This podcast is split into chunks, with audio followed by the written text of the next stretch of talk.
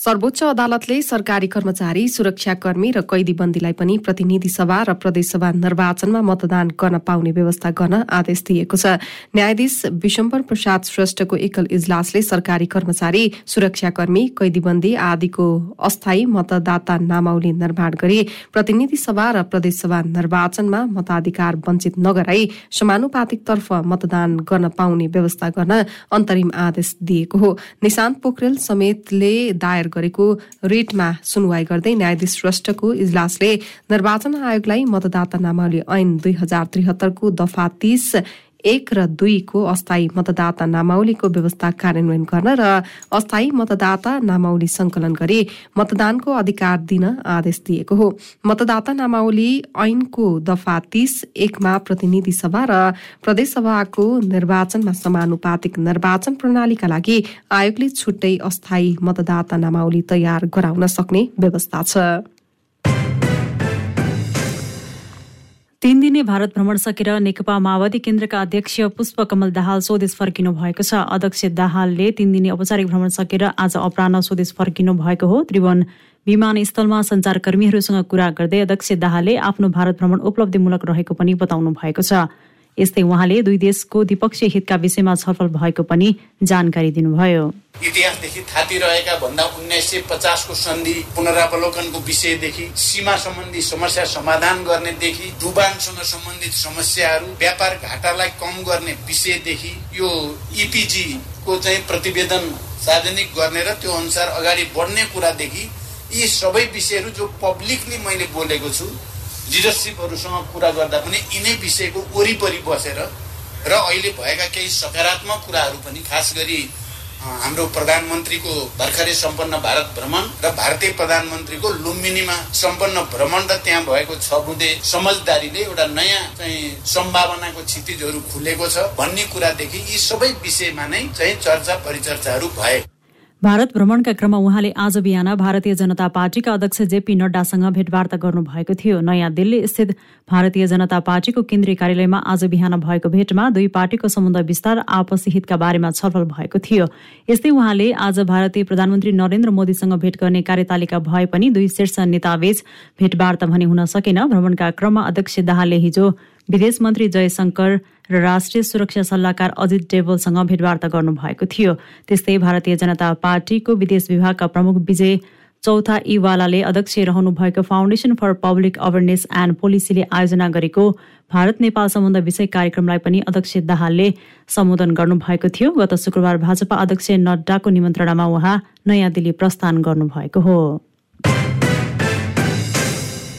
Budget निर्माणमा अनधिकृत व्यक्तिको प्रवेशबारे छानबिन गर्न गठित संसदीय विशेष समितिले अर्थ मन्त्रालयको सीसीटीभीसँग सम्बन्धित इन्जिनियरसँग सोधपूछ गरेको छ। सिंहदरबारमा आज बसेको समितिको बैठकमा अर्थ मन्त्रालयका उच्च तह तथा अन्य विभिन्न तहका पदाधिकारीहरूसँग पनि सोधपूछ सक्ने तयारी रहेको छानबिन समितिका सचिव सुरेन्द्र अर्यालले जानकारी दिनुभयो। आज नै अर्थ मन्त्रालयका प्रशासन महाशाखा प्रमुख सीसीटीभीसँग सम्बन्धित काम गर्ने आइटी इन्जिनियर र बजेट महाशाखा प्रमुखसँग पनि सोधपूछ गरेको उहाँले जानकारी दिनुभयो। समितिको हिजो बसेको बैठकमा पनि भन्सार विभाग र आन्तरिक राजस्व विभागका महानिर्देशकहरू र अर्थ मन्त्रालयमा राजस्व व्यवस्थापन महाशाखाका प्रमुख र उपसचिवहरूसँग सोधपूछ गरिएको थियो। आर्थिक वर्ष दुई हजार उना असी असीको बजेट निर्माणका क्रममा अनधिकृत व्यक्तिलाई प्रवेश गराएको आरोप लागेका निवर्तमान अर्थमन्त्री शर्मामाथि छानबिन गर्न असार बाइस गते बुधबार एघार संसदीय छानबिन समिति गठन गरिएको थियो। सरकारले नेपाल आयल निगमलाई सात अर्ब रुपियाँ ऋण लगानी गर्ने निर्णय गरेको छ। मन्त्री परिषदका निर्णय सार्वजनिक गर्न आज सिंहदरबारमा आयोजित पत्रकार सम्मेलनमा सरकारका प्रवक्ता ज्ञानेन्द्र बहादुर कार्कीले पेट्रोलियम पदार्थको मूल्य समायोजन भएको आयल निगमले इन्डियन आयल कर्पोरेसन लिमिटेडलाई भुक्तानी दिन रकम अपुग भएकाले अर्थ मन्त्रालयले सात अर्ब रुपियाँ ऋण लगानी गर्ने निर्णय गरिएको जानकारी दिनुभएको हो। त्यस्तै पेट्रोलियम पदार्थमा पूर्वाधार कर बापत मूल्य समायोजन भएको रकम उनासाठी करोड छयासी लाख रुपियाँ अनुदान स्वरूप नेपाल आयल निगमलाई उपलब्ध गराउने निर्णय भएको पनि उहाँले जानकारी दिनुभयो। यस्तै बैठकले माथिल्लो कर्णाली जलविद्युत परियोजनाको विद्युतीय व्यवस्थापनको म्याद दुई वर्ष थप गर्ने पनि निर्णय गरेको छ भने जुरे पहिरो पीडित समुदायका लागि जनस्तरबाट सङ्कलित रकम फुकुवा गर्न स्वीकृति दिने पनि निर्णय गरेको छ। त्यस्तै व्यापार घाटा न्यूनीकरणका लागि विभिन्न दस वस्तुको पैठारीमा लगाइएको बन्देजलाई भदौ चौध गतेसम्म निरन्तरता दिने पनि निर्णय भएको उहाँले बताउनुभयो। त्यस्तै बर्ड फ्लू प्रभावित र नियन्त्रणमा खटिएकालाई प्रोत्साहन सुविधा प्रदान गर्ने मापदण्ड स्वीकृत गरेको पनि उहाँले बताउनुभयो। बैठकले सत्य निरूपण तथा मेलमिलाप आयोग र बेपत्ता पारिएका व्यक्तिको छानबिन आयोग ऐन दुई हजार एकहत्तरलाई संशोधन गर्न बनेको विधेयकलाई संसदमा पेश गर्न स्वीकृति दिने निर्णय भएको पनि प्रवक्ता कार्कीले जानकारी दिनुभयो। पेट्रोलियम पदार्थमा पूर्वाधार कर बापत मूल्य समायोजन भएको रकम उनासाठी करोड छयासी लाख अस्सी हजार रुपियाँ। अनुदान स्वरूप उद्योग वाणिज्य तथा आपूर्ति मन्त्रालय मार्फत नेपाल आयल निगमलाई उपलब्ध गराउने। पेट्रोलियम पदार्थको मूल्य समायोजन भएको कारण नेपाल आयल निगमले इन्डियन आयल कर्पोरेसन लिमिटेडलाई भुक्तानी दिन रकम अपुग भएकोले नेपाल सरकार अर्थ मन्त्रालयले नेपाल आयल निगमलाई सात अरब रुपियाँ ऋण लगानी गर्ने। त्यस्तै मन्त्री परिषदको बैठकले राष्ट्रिय सूचना प्रविधि केन्द्रको कार्यकारी निर्देशकमा पर्वतका प्रदीप शर्मा पौडेलाई नियुक्त गरेको छ। राष्ट्रपति विद्यादेवी भण्डारीले स्वास्थ्य शिक्षालाई सबैको पहुँचमा पुर्याउनु पर्ने बताउनु भएको छ। चिकित्सा शास्त्र अध्ययन संस्थानको स्वर्ण महोत्सवका अवसरमा आज काठमाडौँमा आयोजित कार्यक्रममा राष्ट्रपति भण्डारीले स्वास्थ्य र शिक्षाकै लागि गाउँ गाउँबाट शहरमा जानेको संख्या बढ़न थालेकाले स्वास्थ्य शिक्षालाई सबैको पहुँचमा पुर्याउनु पर्ने बताउनु भएको हो। उहाँले उहाँले स्तरीय स्वास्थ्य सेवा सबैले पाउने हक संविधानले सुनिश्चित गरेको भन्दै उहाँले स्वास्थ्य कर्मी उत्पादन गर्नका लागि विशेष ध्यान दिनुपर्नेमा जोड दिनुभयो।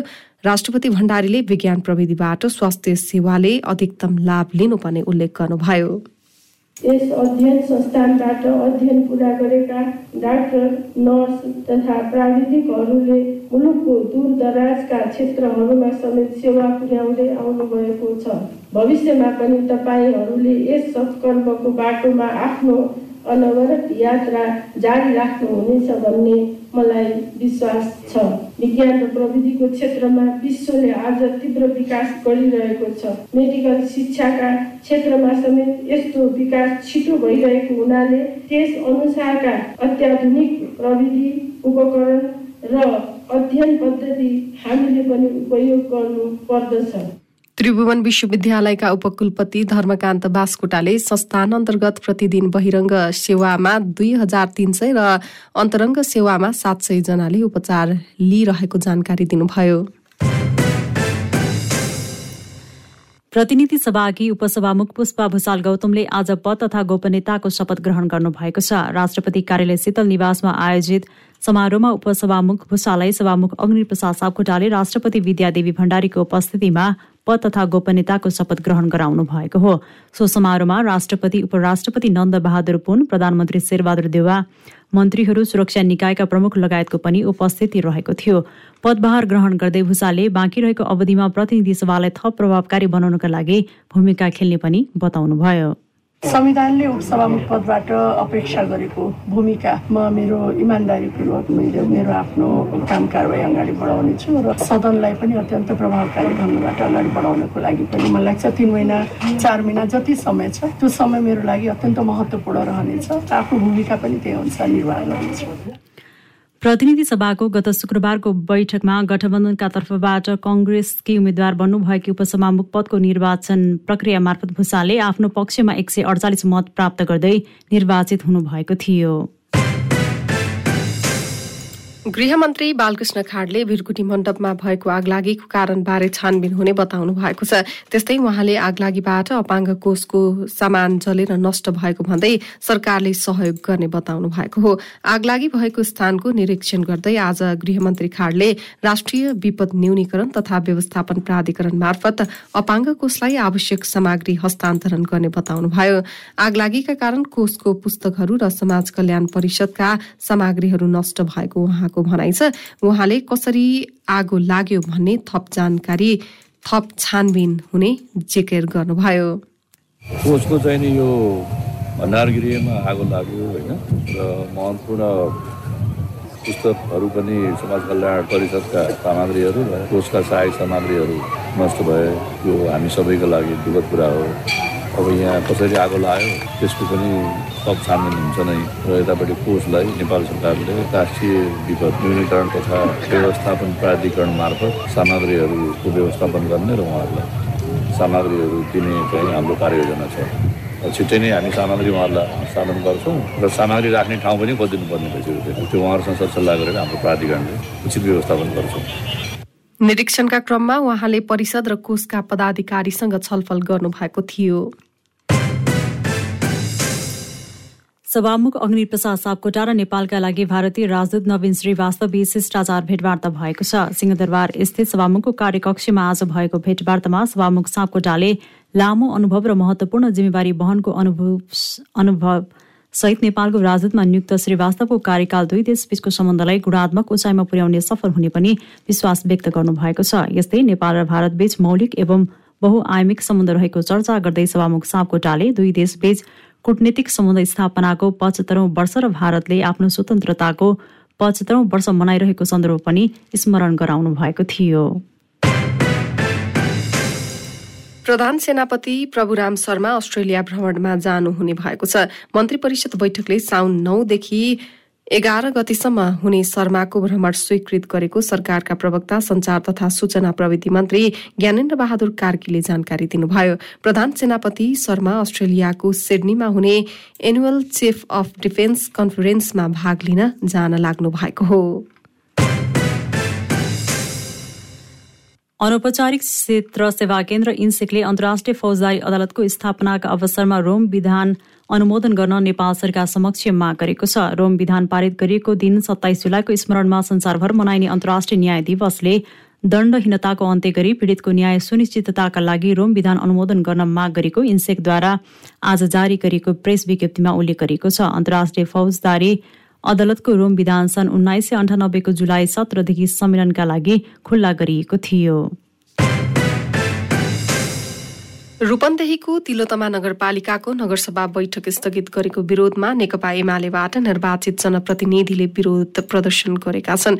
नगरसभाको आज दिउँसो एक बजेका लागि बोलाइएको नगरसभा बैठक स्थगित भएको जानकारी गराएपछि एमालेबाट निर्वाचित जनप्रतिनिधिले विरोध जनाएका हुन्। नगरसभा बैठकमा एमालेका अडचालिस जना जनप्रतिनिधि उपस्थित भए पनि प्रमुख प्रशासकीय अधिकृत जीवन गेवालीले हाजिर गर्न नदिई रजिस्टर कब्जा गरेर बैठक स्थगित गरेको एमाले आरोप लगाएको छ।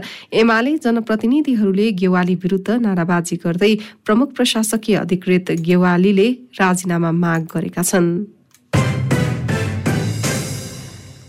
गभर्नर महाप्रसाद अधिकारीको राजीनामा माग गर्दै सत्तारूढ दल निकट विद्यार्थीहरूले बालाटारमा आज प्रदर्शन गरेका छन्। गभर्नरलाई कार्यालय प्रवेशमा रोक लगाउने भन्दै नेवी संघ र अखिल क्रान्तिकारीले आज दिउँसो बालाटारमा गरेको प्रदर्शनका क्रममा प्रहरीले हस्तक्षेप गरेको थियो। निषेधित क्षेत्रमा प्रवेश गरेर नाला नारा जुलुस गरेको भन्दै प्रहरीले केही प्रदर्शनकारीलाई नियन्त्रणमा लिएको छ। गभर्नर अधिकारी राजनीतिक दलमा आबद्ध भएको भन्दै उनीहरूले प्रदर्शन गरेका हुन्। एमालेको अर्थ विभागमा रहेका एम अधिकारी गभर्नर महाप्रसाद नै भएको आरोप लगाउँदै विद्यार्थीहरूले बर्खास्तीको पनि माग गरेका छन्। यता अखिल क्रान्तिकारीका अध्यक्ष पञ्चा सिंहले एमाले जालझेल गरेर आफ्नो नेतालाई संविधान विपरीत गभर्नर पदमा नियुक्ति गरेको आरोप लगाउनु भयो। उहाँले अधिकारी अवैधानिक रूपमा गभर्नर पदमा बसेका कारण आन्दोलन गर्नु परेको बताउनुभयो राष्ट्र बैङ्कको गभर्नर अवैधानिक गभर्नर महाप्रसाद अधिकारी प्रति गभर्नरका विरुद्धमा एकपटक होइन पटक पटक लग्न पर्ने ठाउँमा नेपाली विद्यार्थी आन्दोलनको दायित्व र कार्यभार लिएर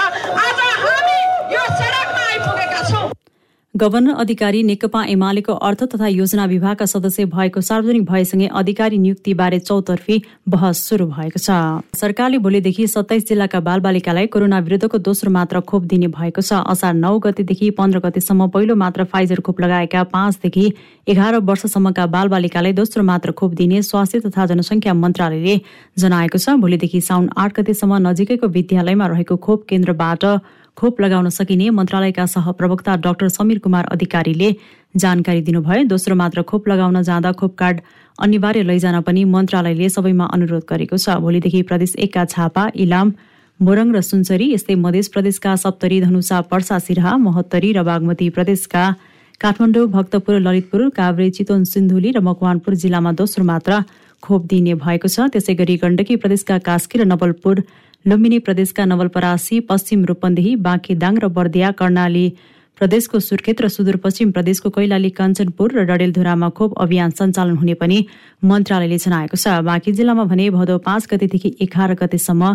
पहिलो मात्र र भदौ सत्ताइस गतेदेखि असोज एक गतेसम्म दोस्रो मात्र खोप दिने सरकारको तयारी रहेको छ।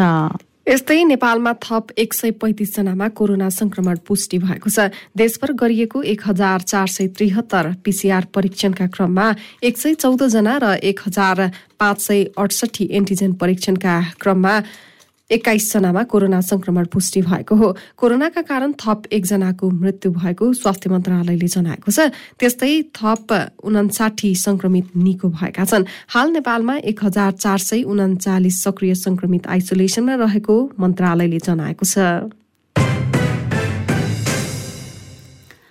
चेकमा नक्कली छाप र दस्तखतको प्रयोग गरी ब्याङ्कबाट पैसा निकालेको आरोपमा एकजनालाई प्रहरीले पक्राउ गरेको छ। पक्राउ पर्नेमा मकवानपुरको थाहा नगरपालिका वडा नम्बर छ घर भई हाल ललितपुरको साधोबाटो बस्ने एक्काइस वर्षका वासुदेव अर्याल रहेको प्रहरीले जनाएको छ।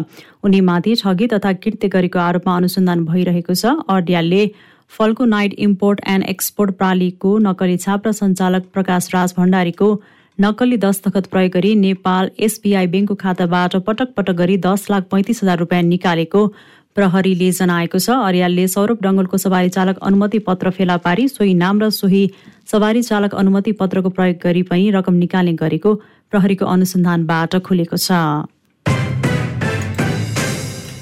युवती बलात्कारको आरोपमा बैतडीमा आज दुईजना पक्राउ परेका छन्। पक्राउ पर्नेमा जिल्लाको दोगडा केदार गाउँपालिका चारका एकाउन्न वर्षीय गोपी चुनारा र बत्तीस वर्षीय ललित चुनारा रहेको जिल्ला प्रहरी कार्यालय बैतडीले जनाएको छ। उनीहरूमाथि बीस वर्षीय एक युवतीलाई जबरजस्तीकरणी गरेको आरोप लागेको छ। सुस्त मनस्थितिकी युवतीलाई गत असार सत्ताइस गते दिउँसो घरमै गएर बलात्कार गरेको आरोपमा प्रहरीले पक्राउ गरेको हो। युवतीका घर परिवारले बलात्कार भएको भनेर जाहेरी दिएपछि उनीहरूलाई पक्राउ गरी अनुसन्धान सुरु गरिएको छ।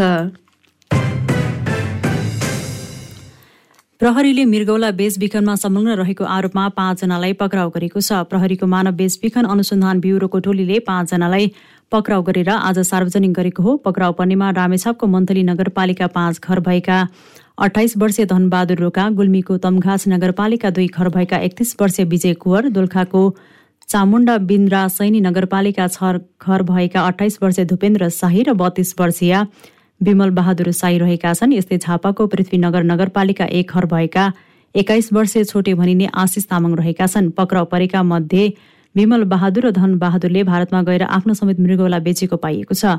पक्राउ परेका पाँचैजना एकै गिरोहका सदस्य रहेको पनि खुलेको छ। उनीहरूले काठमाडौँका सडक बालबालिकालाई लोभ देखाई फकाएर भारत लगी मृगौला बेचबिखन गरेको प्रहरीले जनाएको छ। उनीहरूलाई मानव बेचबिखन तथा ओसार पसार ऐन दुई हजार चौसठी अनुसार कारवाहीका लागि अनुसन्धान भइरहेको प्रहरीको भनाइ छ। अन्तर्राष्ट्रिय बजारमा कच्चा तेलको मूल्य घटेसँगै भारतीय आयल कर्पोरेसन आइओसीबाट पनि नेपाल आयल निगमका लागि पेट्रोलियम पदार्थको मूल्य घटेर आएको छ। भारतले हिजो पठाएको नयाँ मूल्य सूची अनुसार पेट्रोल प्रति लिटर पन्ध्र रुपियाँ छयत्तर पैसा र डिजल प्रति लिटर सोह्र रुपियाँ छप्पन्न पैसा घटेर आएको छ। यद्यपि भारतबाट इन्धनको मूल्य घटेर आए पनि उपभोक्तालाई भने तत्काल सोही अनुसार लाभ नमिल्ने भएको छ। आयुसीले अहिले घटाएर पठाए पनि यसअघिको नोक्सानीको असर परिरहेकाले सोही अनुरूप नेपालमा तत्काल तेलको मूल्य नघट्ने निगमले जनाएको छ। गत आर्थिक वर्षमा त्रिभुवन अन्तर्राष्ट्रिय विमानस्थलबाट चार सय अस्सी केजी सुन बरामद भएको भन्सार कार्यालयले जनाएको छ। नयाँ आर्थिक वर्षको पहिलो दिन विमानस्थल भन्सार कार्यालयले आर्थिक वर्ष दुई हजार अठहत्तर उनासीको विवरण सार्वजनिक गर्दै तीन अर्ब अस्सी करोड़ रूपियाँ बराबरको सुन एयरपोर्टबाट नियन्त्रणमा लिएको जानकारी दिएको हो। भन्सार कार्यालय अनुसार बरामद सुनबाट पैंतालिस करोड़ अन्ठाउन्न लाख अतिरिक्त राजस्व पनि संकलन भएको छ। विमानस्थल भन्सारका अनुसार दैनिक औषध तीस यात्रुबाट एक केजी पाँच सय ग्रामसम्म अवैध सुन बरामद हुने गरेको छ। नयाँ आर्थिक वर्ष दुई हजार उनासी अस्सीको पहिलो दिन आज शेयर बजार झिनो अङ्कले बढेको छ। नेप्से आज एक दशमलव नौ तीन अङ्कले बढेर दुई हजार एघार दशमलव तीन नौ बिन्दुमा पुगेको हो। आज दुई सय दसवटा कम्पनीका तीस लाख पैंतालिस हजार आठ सय उनानब्बे किता शेयर कुल एक अर्ब तेइस करोड चौबिस लाख अठासी हजार त्रियासी रुपैयाँमा कारोबार भएको छ। आज राति विद्युतको मूल्य पाँच दशमलव चार प्रतिशतले बढेको छ भने प्रभु ब्याङ्क नयाँ सारथी लघु वित्त र कुमारी ब्याङ्कको मूल्य चार प्रतिशतले बढेको छ। त्यस्तै प्रभु सेलेक्ट फन्डको मूल्य नौ दशमलव सात प्रतिशतले घटेको छ। कारोबार रकमका आधारमा आज माथिल्लो Tamakoshi Himalayan distillery Aruna valley NIC Asia bank र नेपाल टेलिकम क्रमशः अगाडि रहेका छन्। क्यान्डिड न्युजमा अब अन्तर्राष्ट्रिय समाचार। चीनको दक्षिण पश्चिमी सिचुवान प्रान्तमा आएको आँधीका कारण मृत्यु हुनेको संख्या छ पुगेको छ। अझै बाह्रजना बेपत्ता भएको स्थानीय अधिकारीहरूले बताएका छन्। गत शुक्रबारदेखि बेचुआन छियाङ स्वायत्त काउन्टीमा एक सय दस मिलिमिटरसम्म वर्षा भएको र करिब बाइस हजार तीन सय मानिस प्रभावित भएका छन्। बाढीका कारण बैसी टाउनसिपमा छ जनाको मृत्यु भएको छ भने बाह्रजना बेपत्ता भएका हुन्। त्यसै गरी अधिकारीहरूले हराएकाहरूको खोजी गर्न सड़क र संचार सुविधाहरू मर्मत गर्न र अन्य उद्धार कार्यहरू सञ्चालन गर्न चार सय भन्दा बढी उद्धार कर्मीहरू परिचालन गरिएको छ। यस्तै बैसी टाउनसिपका चार सय अस्सी जना सहित तेह्र सय भन्दा बढीलाई सुरक्षित स्थानतर्फ स्थानान्तरण गरिएको छ। भारत र चीनका सैन्य अधिकारी सम्मिलित सोह्रौं चरणको वार्ता चुसुलमा शुरू भएको छ। भारतीय भूमि चुसुल मोल्दे सीमा बिन्दुमा जारी बैठक पूर्वी लद्दाखको वास्तविक नियन्त्रण रेखा एलएससीबाट सेना फर्काउनेमा केन्द्रित रहेको स्रोतले जनाएको छ। वार्तामा भारतीय पक्षको नेतृत्व fire and fury corps commander lieutenant general A Sen गुप्ताले गर्नुभएको छ। द्विपक्षीय उच्च स्तरीय सैन्य वार्ताका निम्ति आजको बैठकले मार्ग प्रशस्त गर्ने अपेक्षा गरिएको छ। यसअघि दुवै पक्षले सीमा क्षेत्रमा सुरक्षा र स्थायित्व कायम गर्न सहमति जनाएका थिए। साथै दुवै देशले समाधान हुन बाँकी समस्या सैन्य र कूटनीतिक वार्ताका माध्यमबाट टुङ्ग्याउने प्रतिबद्धता पनि व्यक्त गरेका थिए। सन् दुई हजार बिसको अप्रेल र मेमा चीन भारत सिमानाको पश्चिमी क्षेत्रको वास्तविक नियन्त्रण रेखा एल एसीमा चिनिया पक्षले एकतर्फी रूपमा यथास्थिति परिवर्तनको धेरै पटक प्रयास गरेपछि दुई देशबीचको सम्बन्ध चिसिएको थियो। कैयौं चरणका वार्तापछि दुवै पक्षले आफ्नो मतभेदलाई व्यवस्था गर्न र कुनै पनि विषयमा विवाद नगर्ने सम्मति जनाएका थिए। साथै दुवै पक्षले सीमा विवादको अन्तिम टुङ्गो नलागेसम्म सीमा क्षेत्रमा शान्ति सुरक्षा कायम गर्नु द्विपक्षीय सम्बन्धको समग्र विकासका लागि आवश्यक आधार भएको स्वीकार गरेका थिए। क्यान्डिड न्युजमा अब खेलकुदका समाचार।